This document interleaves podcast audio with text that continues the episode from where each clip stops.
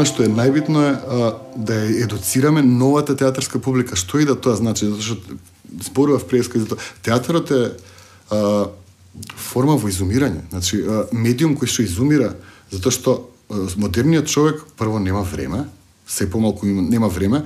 Не знам зошто, меѓутоа така викациите, немаме време, така живееме у такво време. Јас сум убеден дека сите можеме да најаме време за се, меѓутоа живееме во доба од историјата на човечката цивилизација, која што може да крстиме немам време. Се враќаме назад на 1 јуни 2021 година. Четири дена по премиерата на представата Четири соби.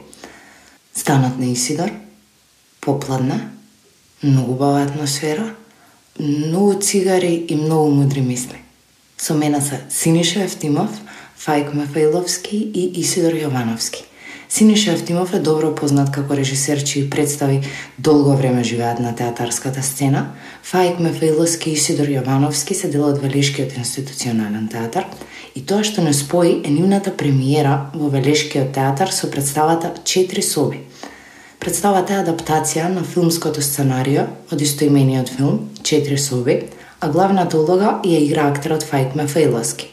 Заедно со нив ќе зборуваме на повеќе различни теми за театарот, филмот, работењето во време на пандемија, адаптација на филмско сценарио и многу повеќе. Уживајте! Здраво на сите кои што не слушаат. А, тука сме со Синиша Евтимов, Фајк а, Мефаиловски и Исидор Јовановски. А, имавте премиера минатата недела во Велешкиот театар. Како сте задоволни од изведбата? Синиша? Па јас сум презадоволен, презадоволен сум. А, мислам дека имав чест да работам со еден од најдобрите ансамбли у Македонија, во една прекрасна нова театарска зграда и сето тоа се добри предуслови за да направиш добра представа и мислам дека успеавме од тоа, а публиката го кажа своето на премиерата, така да јас сум презадоволен, наистина. Еве нека кажа тоа ништо ми. Синиша, кога ги режираш следен пат? а, кај вас? Може би наскоро, може би наскоро, а може би за две години. Ке видиме. Представата е адаптација на филмското сценарио Четири соби што е омнибус од четворица режисери. А, Они се и автори на сценариото исто, да. Да. да. А, зошто баш овој текст? Океј. Okay ова беше еден од предлозите за кои што разговаравме со Сашо, ова се мота кај мене глава одавна, пошто ја принцип работам доста од представите што ги работам се базирани на филмски сценарија. Многу ми е интересен процесот да да земам филмско сценарија да го соголам скрз, Значи да ја да оставам само диалогот, да ги трнам сите дискали, се останато, да ставам нови топоними, нови миња и онда добиваш сосема нов контекст, и добиваш нов свет од истото сценарио. Тоа и го правам. У, тој контекст тргнавме со четири соби, меѓутоа она што е битно за да се одбере текстот четири соби е тоа што овој текст го имам оддавна у глава, а Сашо Димовски, теа, теа, овој директорот на театарот у Велес, имаше идеја да прави воркшоп од филмско сценарио до театарска представа. И онда некако се најдовме на пола тука во интересите и онда свативме заедно дека четири соби од све што имавме као опција беше најбољи избор. А, ама сама, самиот избор на четири соби не е ништо не знам како да кажам, не е ништо посебно, него едноставно стане збор за момент во кој што сме, сме, сме, сме, сме се договориле ток, токму тоа да го работиме. Да беше друг ден, може ќе беше некој друг филм. не знам. Тоа е тоа, али нема некоја длабока, некоја, не знам, Нешто што е поврзано со големо кое што сум го правил, па онда сум стигнал до тоа дека ќе го работам четири соби. Не, ја во принцип сум а, работам на инстинкт цело време, интуиција, инстинкти. она што ме научило моето театарско искуство е да препознам што може да стане добра представа, што не значи дека и ќе стане, нели не, секогаш постои опцијата да промашиш нешто или наставно да бидеш во заблуда. Меѓутоа, не знам како да кажам, до сега нюхот не ме издал. не знам. А, го немав гледано филмот. А, да, го немав. И дента пред да дедам на премиера го пуштив, го изгледав и не ми се допадна. Добро, супер, не, ти кажам исто филмот. Не ми се допадна, ама првото што ми помина низ глава беше еј ова е стварно добро за на сцена. И прочитав дека е нели адаптирано филмско сценарио дека не е исто, ама не не можев да си замислам во која насока како ќе изгледа тоа, што ќе биде тоа. И например, да, окей, логично е да зборуваат ликовите на најразлични диалекти, ама не не не може ми се допадна сето тоа затоа што не беше филмот, не беше филмот и според мене, не дека ова го кажувам како за да излезе дека морам да дадам добар коментар, беше многу подобро од филмот. И си викав, као, окей, седнав и отворив критики. Си викам, секојаш читам критики, зашто може би моето мислење ќе биде побиено, ми треба антитеза која имам одред... И сите критики беа негативни. Е, ама ми се допадна сцената на Тарантино, последната, и ми се допадна сцената на Роберто Родригес и многу сакав да ја видам сцената на Роберто Родригес и таа сцена ја немаше. Зошто? А, затоа што мислам дека се уште не сум доволно искусен во театар за да работам со деца. Многу е прозаична причината. А, не верувам во себе дека можам да работам со деца. Појма немам. Мислам дека е too hard to handle. Би сакал да имам обучени глумци на сцена и највише сакам да работам со обучени глумци на сцена кои што знаат што прават така. А, а што знам, деца ми се too complicated, не знам, комплицирана ми е. Искрено. Искрено и а, мислев дека особено, ај, окей, еве да речеме ќе ги пребродиме децави, ќе ги најдеме на некој кастинг и ќе играат. Меѓутоа таа сцена е визуелно толку добра, во филмот зборам, а, сите специјални ефекти кои што ги има во таа сцена многу тешко се пренесуваат на сцена во театар, така? Значи мора да се запали, мора да има пожар. Мора да има пожар, мора да има мртва девојка под креветот и мора да има деца кои што се хендлаат до мислам како е, наше општество не сум сигурен дека е спремен да прифати такви улоги од, од деца се уште на не знам у театар. Појма немам. Не, не сум јас сигурен тачно, али ова е најпрозаична, таа е причината. Значи, мислев дека ќе биде комплицирано да се работи со деца во театар и еве се од кога ја направив представата, убеден сум у тоа. Убеден сум дека добро направив што не ја ставив таа сцена, зашто принцип кога тренав со адаптацијата, главната борба кај мене у глава беше знаев дека нема да идат сите четири, само не бев сигурен дали ќе се одлучам да идат да не идат вештирките или тоа е сцената, првата сцена е со Мадона и сите, а, или ова на Роберт Родригес, на крај пресеков дека таа ќе правам, од проста причина што ако ги избаце вештирките ќе нема женски ликови во представата. А сакав да имам женски ликови представат и онда тоа беше идејата да ги пресечам, а направив нова соба која што е првата, затоа што во филмското филмското сценарио, интегралното филмско сценарио, а, има многу повеќе текст од она што го има во филмот кој што го гледаме као финален продукт. Они имаат направено такви радикални штрихови целото тоа. В принцип се спасувале у тој момент. Целата историја на филмот е многу откачена. Тарантино и Родригес кога тргаат до таа приказна таму, они а, во овие две нивни колешки, фактички другите две се жени, Александра а, Роквел и Алисон Андерс.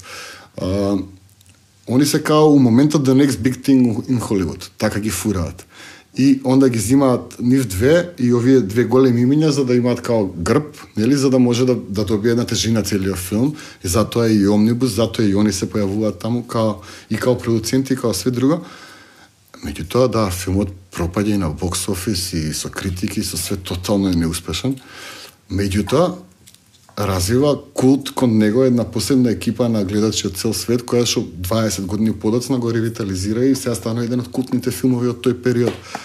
Што е а, феномен сам по себе и не значи не мора ништо да значи, ниту да го валоризираме као такво.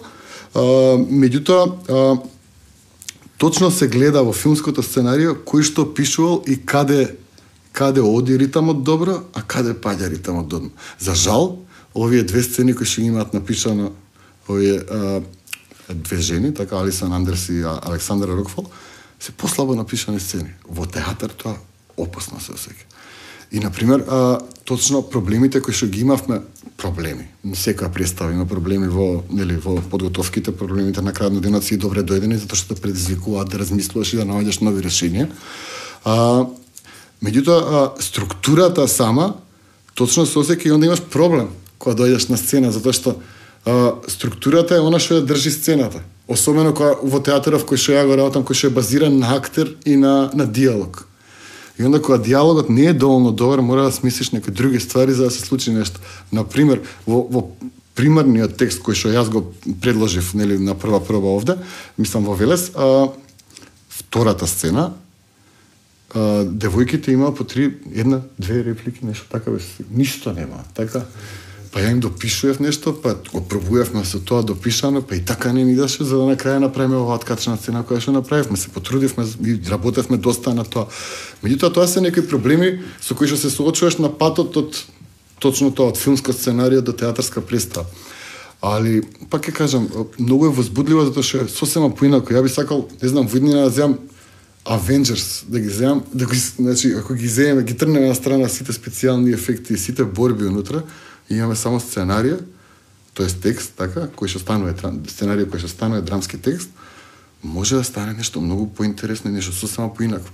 И ја мислам дека токму тоа го направивме со оваа представа, оваа представа ако не спомнеме дека е правена според филмот, ладно еве ти не си гледала филмот, ја више комуницирам со друга публика, други генерации на луѓе кои што го немаат признаењето, наставно и не ни треба да го имаат на крајот на денот, оно станува нешто сосема ново, нов универзум кој што ние заедно сме го креирале сите.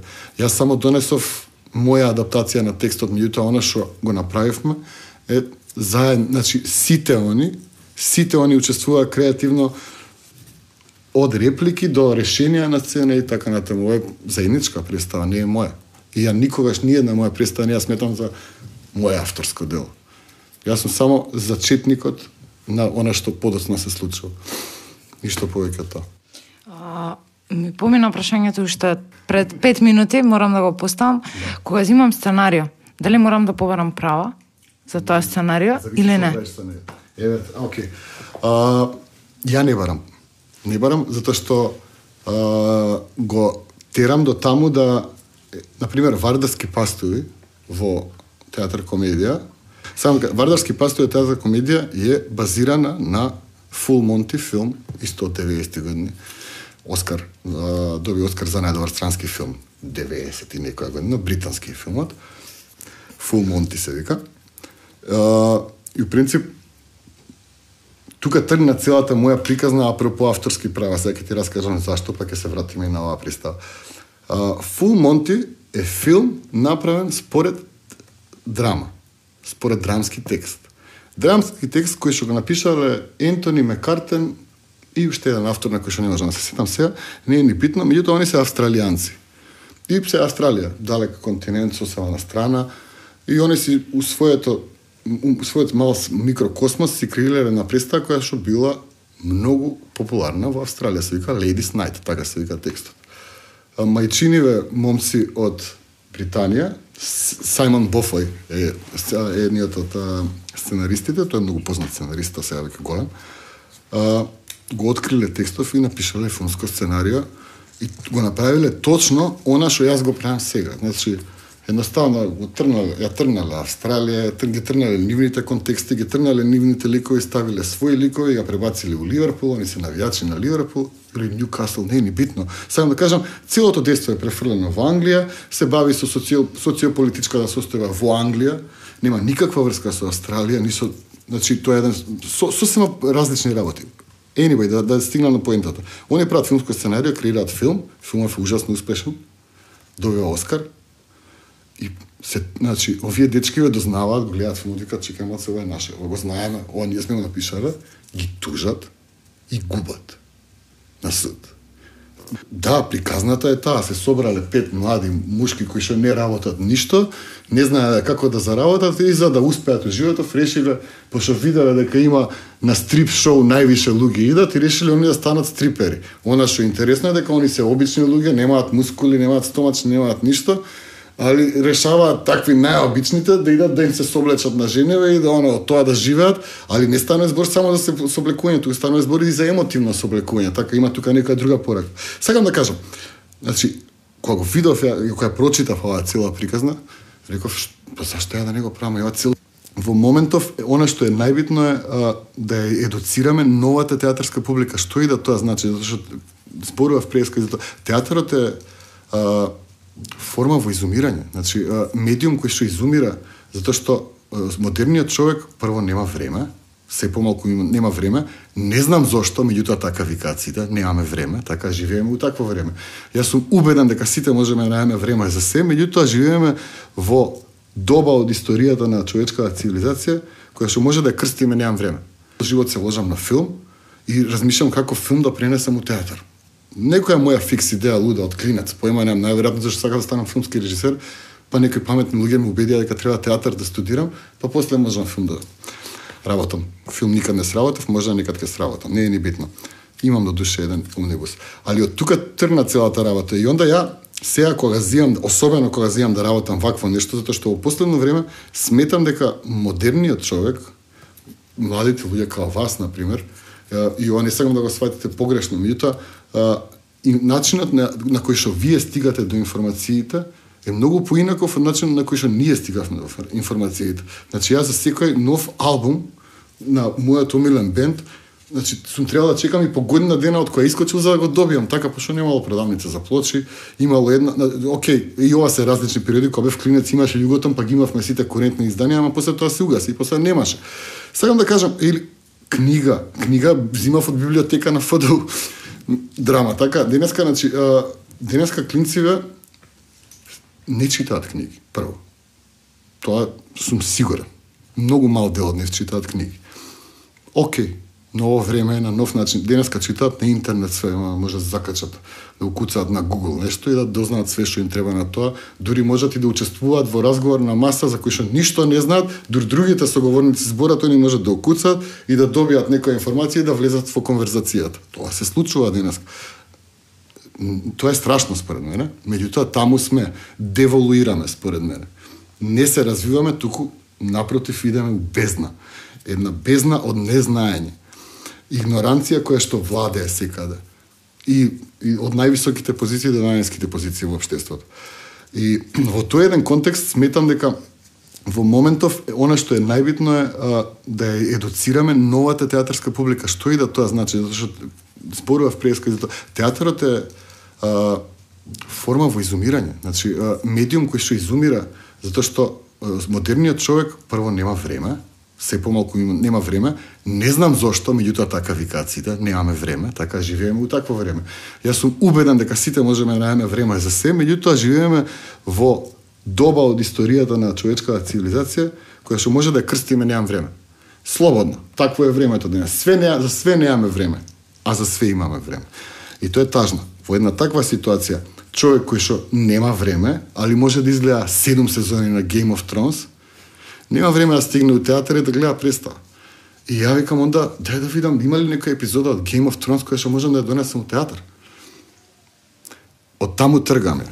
И а, тоа ми беше и поентава, нели, ме праша за филмски сценарија. Не, не барам авторски права, затоа што до толку ги извитоперувам, ја фактички ја користам нивната структура и тотално ја преработувам, ја ставам во сосема нов контекст и да, инцепцијата на идејата е од таму, и за тоа им давам кредит. Така да викам според тие, никогаш не викам Значи не ги пишувам авторите затоа што не не се оние веќе автори. Они некогаш биле автори. И ова го правам цело време и сега за сега ова е најверојатно и последица на тоа што Македонија е држава таква како што е, па се уште не ни се навјасал некој со, со авторски права или некоја агентура да дое овде и да почне да ровари по театриве. Најверојатно она ќе треба да плакам ја или театри во кои што работам некои огромни казни, ако успеат да докажат. Што не значи дека успеат, еве, овој конкретниот случај што ти го кажав, у кој што луѓето од нашата фила изгубиле, мене ме натера да им вратам. Ме разбираш, значи овие биле драмски автори, си побарале авторски права од филмов, овие им рекле дечки off. И јеби га, онда викам ја, дечки off исто, затоа што го правам истото што го прават и они. Учам од подобрите од мене. Дали имаш работено, сигурно имаш, извини, само што не знам како со факт да го кажам, надвор од институција, алтернативно. Како не? И Многу, да дали мислиш дека тоа е доволно развиено кај нас? И ако мислиш дека не, каде е проблемот? Океј. А, сум работел многу проекти као инди, особено uh, порано, или кога бев помал, и кога не бев етаблиран режисер, што и да тоа значи. Uh, и мислам дека проблемот е во тоа што алтернативните проекти во Македонија многу често, многу често ја прават првата грешка од значи ајде вака да видиме прво. Јас кога, кога правам алтернативен проект гледам да биде самоодржлив. Значи, да не биде една изведба и после да се молиме да дое публика. Е, ама во, точно во тој момент морам да го прекршам првото правило на режија. Немој да и се додвориш на публиката. Јас секогаш го правам тоа. Секогаш и се дотворам на публиката, зашто ако не, ако не е публиката, ниту јас, ниту вие нема да постоиме. Ние сме у моментов у ситуација у која што ние мораме да се дотворуваме на публиката, тоест да и сервираме работи кои што ќе предпоставиме дека ќе и се допаднат. Во основни проблеми на режија на Хуго Клайн, книгата според која што учиме сите на овие простори, не само Македонија, тоа е една од првите реченици. Немој да и се додвориш на публиката. Е, ја у еден момент сватив дека мораш да се додвориш на публиката. И онда, а, имам правено 99-та, например, правев фейк дипломска, независна. Ја пријавив у МКЦ као независен проект, се викаше 999 експеримент. А, се разбира, не дипломирав со тоа, пошто не беше пријавена дипломска, да беше бев излезен од академија, бев скаран со сите таму. Anyway, тоа е друга прича. А, али сега да кажам, секогаш кога работам нешто, гледам тоа да, да остане живо, за да може да се одржа, за да може да се исплати на тоа. Например, последен приватен проект кој што сум го работел, и тоа е, мислам, најдобриот начин. А, да се успееш да собереш екипа која што верува во одредено нешто, и онда таа екипа своите верувања во тоа конкретно нешто да ги потврди со пари од джеп. Тоа е со себе. Нема друг начин да обстане приватен проект според мене. Во моментот кога ќе во моментот кога ќе се врзеш и бараш пари од фондација, од Министерство за култура, од ова, ти одговараш на некој и онда мораш да го креираш тоа според нивните критериуми. Кога не одговараш на никој, онда се зависи од тебе. Задниот проект кој што го работев така, се вика Чао пријатно. Тоа е исто представа која што игра на сцената на театар комедија, меѓутоа таа е приватна представа на Атанас Атанасовски, Валентин Костадиновски и моја. Ние тројца сме инвеститори во самата представа. Заедно тројцата решивме да ќе правиме представа која што идејата е да ни носи пари. И ни носеше пари три години. Сега прекинавме да играме ради коронава, и сега се враќаме. Сега вторник игра на кровот горе на ГТЦ прават некои дешавања, театар комедија прави игра 3-4 представи, меѓу кои и оваа ќе игра. Али мора да се мисли на публика, за да обстанеш. Седур се бавиме со уметност, што и да тоа значи, а, мораме да бидеме свесни дека тоа ќе го изиграме четири пати. Еднаш, два пати. И како и да... На, за мене, поентата на сето ова е да ние живееме од ова. Ме разбираш? А, значи, јас сакам, ако правам приватен проект или независен проект, како сакаш, крсти го, го правам за да заработам од него, затоа што јас живеам од оваа професија. Јас ја сакам најмногу свет, тоа ме прави среќен, тука сум сигурен свој на своето, меѓутоа исто така од тоа и живеам, плакам сметки, така и се друго што го бара од тебе нели современиот живот. Така да а, станува збор за контрадикторно, знаеш, пошто у принцип а, од, од една страна сакаш да бидеш инди, да покажеш нешто друго, алтернативно, малку поинакво од она што гледаме на овие нели мејнстрим сцени, меѓутоа пак се враќаме на основниот проблем. Се помалку публика има за театар. Се помалку публика има за театар мислам, и тоа е ужасно. Меѓутоа, таму сме кај што сме. И затоа, мислам, редки се проблесо еве ги гиеме Артопија, кои што го прават ова у МКЦ. Али многу се малце групите кои што го работат тоа и се успешни. Тоа е тажното, тоа е проблемот. Или имаш работено надвор од тука? Да.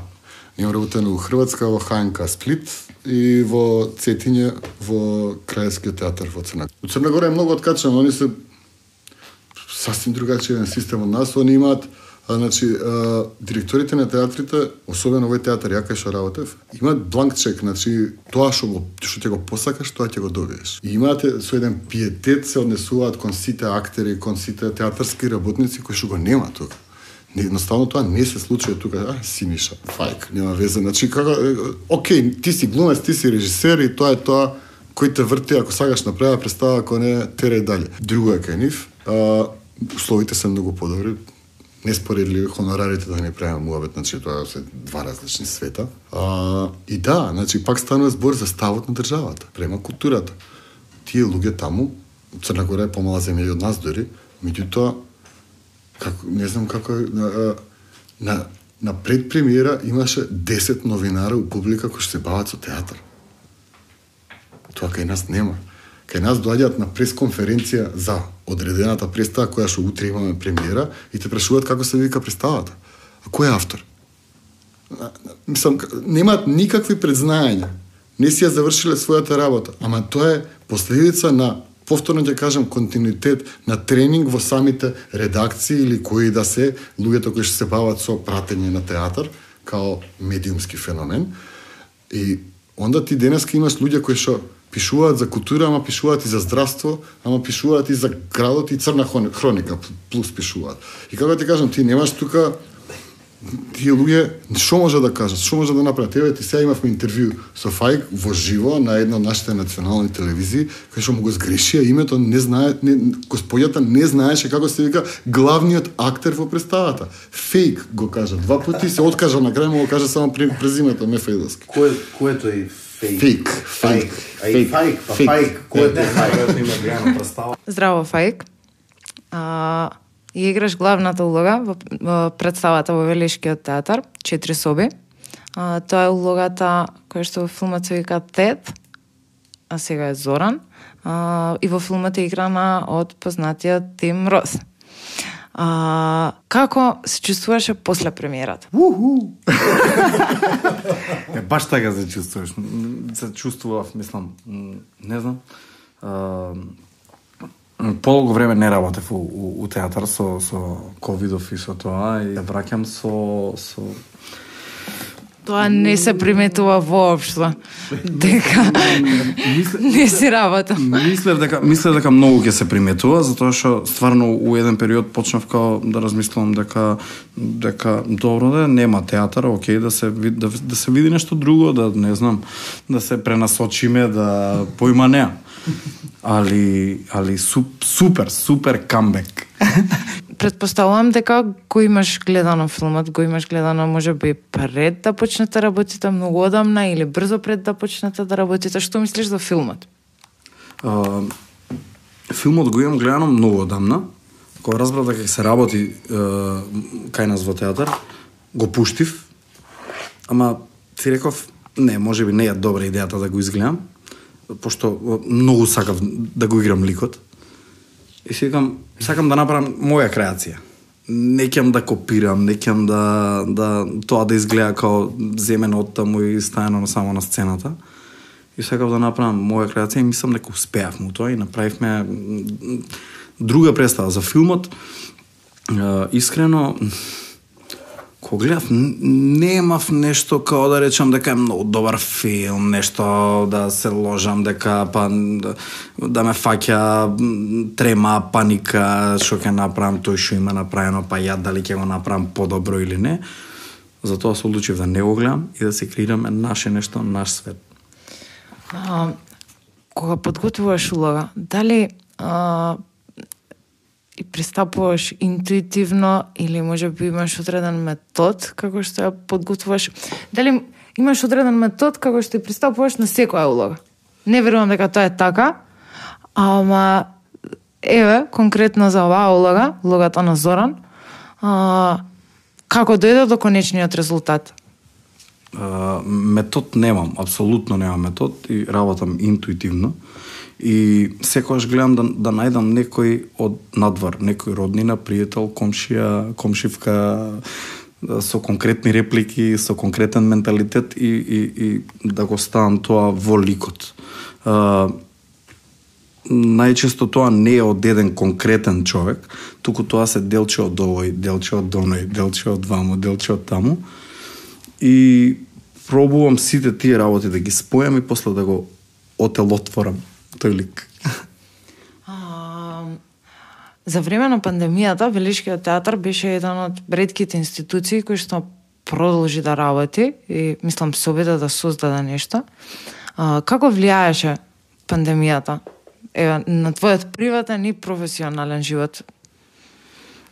А, а, да продолжи Велешки театар да работи, ама јас не бев во проектите и тргнав дома по планини и по природи и некако си го си го сватив дека дека дека ковидов ние е како како последица од од непослушноста кон природните закони. Као, као, као луѓе сме многу погани. Одиме по природа и оставаме ѓубришта и, и а, природата ни враќа. И тргнав по планини, по природи и почнав да да размислувам како да по, почнав да, да чистам и почнав чистејќи да размислувам за тоа да се направи представа о природа. И се надам дека дека дека ќе го имаме еден ко, конкретен проект со Сашко Костов кој што го разработуваме долго време, ама се надам дека дека ќе дека ќе исплови еден ден. Како кажам, толку спокоен од една страна, а, а сите бевме толку заангажирани внатре. Што не знам, не, не ми текнува сега баш да кажам конкретно нешто што се десило А, колку време, кол- колку време траеше процесот? и тоа не знам. Не. Стварно не Правевме да знам. правевме Пра- паузи. Имавме една пауза, да. Правевме паузи пошто нели ковид. А, али у принцип не повеќе од два месеца. Зборам за колку сме работеле вистински, а инаку почнавме во февруари, а сега сме мај. Така да долго.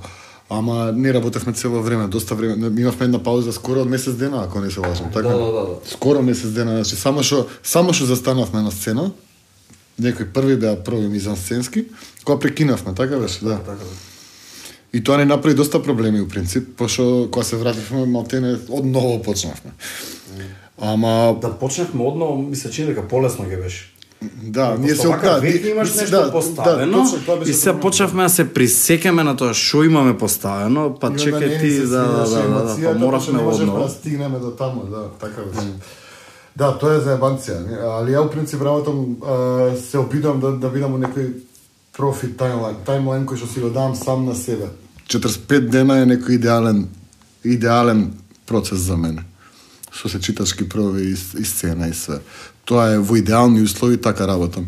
И се обидам да се држам буквално до тие 45 дена, затоа што сметам дека а, ако знаеш што сакаш да кажеш, и ако знаеш што сакаш да направиш и знаеш како тоа да го направиш, не ти треба повеќе време од тоа. Дали им дозволуваш на актерите да импровизираат? А, по премиера. Вака, значи а, актерот за мене е најсветото нешто што постои театар. Без актер нема нема театар. А, и онда, значи, ја не само што очекувам да импровизираат, него ги охрабрувам во тоа, уште во самиот процес на работа. Затоа што сметам дека доколку имаме добра структура во која што сите ликови се изградени, апсолутно очекувам тие ликови да живеат на сцена и да размислуваат на сцена од позиција на лик. И онда, он, таму каде што самата сцена дозволува импровизација, апсолутно го охрабрувам тоа. И да, очекувам од сите актери 100% креативно да се вклучат внатре и да дадат своји предлози и решенија за сцените, што самото по себе е импровизација, особено ако, ако тргнеме од фактот дека не одиме веќе по текстот и по она што е договорено, туку одиме во она што сме го креирале во моментов на сцена. И ако тоа работи, и не знам сега, Исидор има идеја дека треба ликот да го игра сосема поинако од она што јас сум го заместил. во конкретниот случај го игра Орце, така, а, он искочи на сцена на прва ми на сценска проба, разјарен и бик. Ја не, не он, многу интересна енергија која што давно не сум видел на сцена. Он, он ми ја донесе таму и ми отвори некои сосема други перспективи на тоа каков може да биде неговиот лик и како тој лик кој што он сака да го креира ќе биде ставен во контекст на самата сцена. Тоа е апсолутно негова креација која што само јас сум ја само курирал, не разбираш? И во тој смисол Во тој смисол, да, апсолутно очекувам да импровизираат. На, начинот на кој што јас работам и представите кои што јас го правам, го овозможуваат тоа, затоа што јас сакам ликовите кои што се креирани на сцена да имаат свој живот и своја еволуција. Не очекувам првата представа која што сме изиграли и 50-тата подоцна да бидат исти. Напротив, очекувам од нив да ја променат работата. Се разбира, тоа е мач со двеоштрици и се има случајно и работи кога едноставно веќе гледаш дека представата од, оди во погрешен правец. Се случувало и тоа, например, на 200-та изводба на сомнително лице, која што е моја представа, 10 години која што играше, а, изведбата беше толку лоша за мене лично, публика жива, се смее, све супер, да ја после таа изведба отидов и разговарав со тогашниот директор на МНТ, во кој што го замолив две опции му дадов. Едната е да направиме рекаст, пошто 10 години ја играат глумци во представава, импровизираат сите, меѓутоа веќе толку импровизираат да нема смисла представата. Не е тоа веќе не, не сум тоа јас. И онда сваќам дека толку им е досадно на глумците на сцена, 10 години го играат тоа, да они пробуваат свашта да си направат, за да едноставно нив им биде интересно на сцена. И Значи, а, директорот не, не прифати да правиме освежување на представата, сценографијата беше искршена и решивме да затвориме. Значи, јас решив да затворам таа представа, ради тоа што нивото на импровизација веќе беше под моите очекувања. Така да, да, тоа е секогаш меч со две оштрици, меѓутоа јас да барам од глумците да креативно влезат унутре и ако тоа значи импровизација, да, меѓутоа се додека тоа остане во структурата на драмата и во и да биде плаузибилно кон а, ликовите што ги играат. Дали имате одреден ритуал кој што го практикувате пред да излезете и да изиграте представата, подготовка одредена? А, ја, од конкретен филм кој беше со Ќе со, кажам со, покасно, со, со, Де Ниро а, таков некој баш лимонада филм, не знам кој беше Bad Boys нешто или поима немам, немам поима. Као се вика Showtime. Тоа си го викам пред представа. И тоа ми прави така, еден адреналин, да, да, да, Showtime се вика. Да, да, да. Тоа си го прави, кога седат пред камерите и го вика Showtime. Кога тера црнецов да Де Ниро да го кажува тоа и не знам, така си се пумпам некако Јас искрено а, порано практикував некој си шоутайм а, како што кажа Фајк а, во смисла на а, исти работи во различни процеси, исти загревање, исти а, како кажат и ритуали. Ама некако сватив дека некогаш не ми одговара тоа. Некако ме враќа во во друг филм, во друг сенс, во, во, во друго време. И мислам дека ако не знам, кој како си работи така, мислам, кој како сака. Сепак сакам да кажам дека ново нешто се случува пред мене, еве на пример четири собија сега да кажам премиерата зад мене, процесот зад мене, зад нас. Така? Ми се чини дека и различни представи бараат различен, раз, различен подготовка. Еве, на пример, ти ова, моташ джоинти, два сата да не ставам, моташ джоинти, па што мораш да ги имаш готови, така. И тоа ти е дел од поч... така. не почнуваме од нула. Многу интересно Нема приказната, интро, зашто па тоа го нема дур се развие, па влегуваме директно у приказната и си игра. Ист ми и протоколот и некои представи што ме тера така да кажа шоутайм, да искокам 50 пати да се напумпам за да влезам со стотка. јасно, јасно. А други представи си бараат да си од почетокот спокоен, па бара некоја концентрација, па да се осемиш, па нешто, па Да, да, да. Добро, различен процес, процесот, да. не знам, ми се чини дека и, и процесот на креирање на представа си ба, после тоа а, кога се изведбите си бараат различна подготовка. А и тоа дава некоја си нова свежина на актерот. Не а, а, да не се подпираш на нешто што било, туку на нешто ново да се впуштиш што ќе те поведе. Си текнува? А, ова е може би клише, ама дали имате трема? Јас после ќе кажам. Па не знам, обично немам, не знам, позитивна некоја трема, ама не сум некој тремаджија кој знае каков да препаѓам, не знам, бла бла бла. Има познавам многу колеги кои што кои што играат совршено и се добри глумци и се тоа, ама се едноставно тремаджи можда м- можда во зависност од тоа колку си спремен, ка, а, Да, го знаеш тоа. ликот, го имаш и знаеш дека саат типол си тој и немаш трема. Ако не си толку спремен, па кај беше, па како беше, па чекај реквизитот, таму ли ми е, па едно други, тоа ствара паник. Дали а, ја носиш работата дома? Дали ти се мешаат професионалниот и приватниот живот? Не знам, например, еве, работиш на лик и сакаш да го осознаеш ликот и го осознаваш ликот само на проба или го осознаваш и, и надвор од сето тоа? Цело време. Ако ме види некој да си правам на улица муавет сам, да не се плаши, не сум отиден. Значи ми се има сто пати случајно да си повторувам текст, да креирам, да... Ја, ја многу ја, ја носам работата дома. Иако не седнам дома да читнам уште еднаш, два пати, три пати да го размислам, дур јадам, дур сум у веце, дур цело време го мислам ликот. И, и пробувам од, од се нешто да размислам како ликот би го правил тоа, како ликот јаде, како ликот оди у веце, како ликот е, се понаша и да му ги најдеш движењата, да му ги најдеш гримасите, не знам. Се надавам дека ви се допадна нашиот разговор. И тука завршуваме. Сакам да им се заблагодарам на Синиша, Фајк и Сидар за убавиот разговор и одвоеното време. А за вас се надавам дека уживавте и се гледаме во наредната епизода. Чао!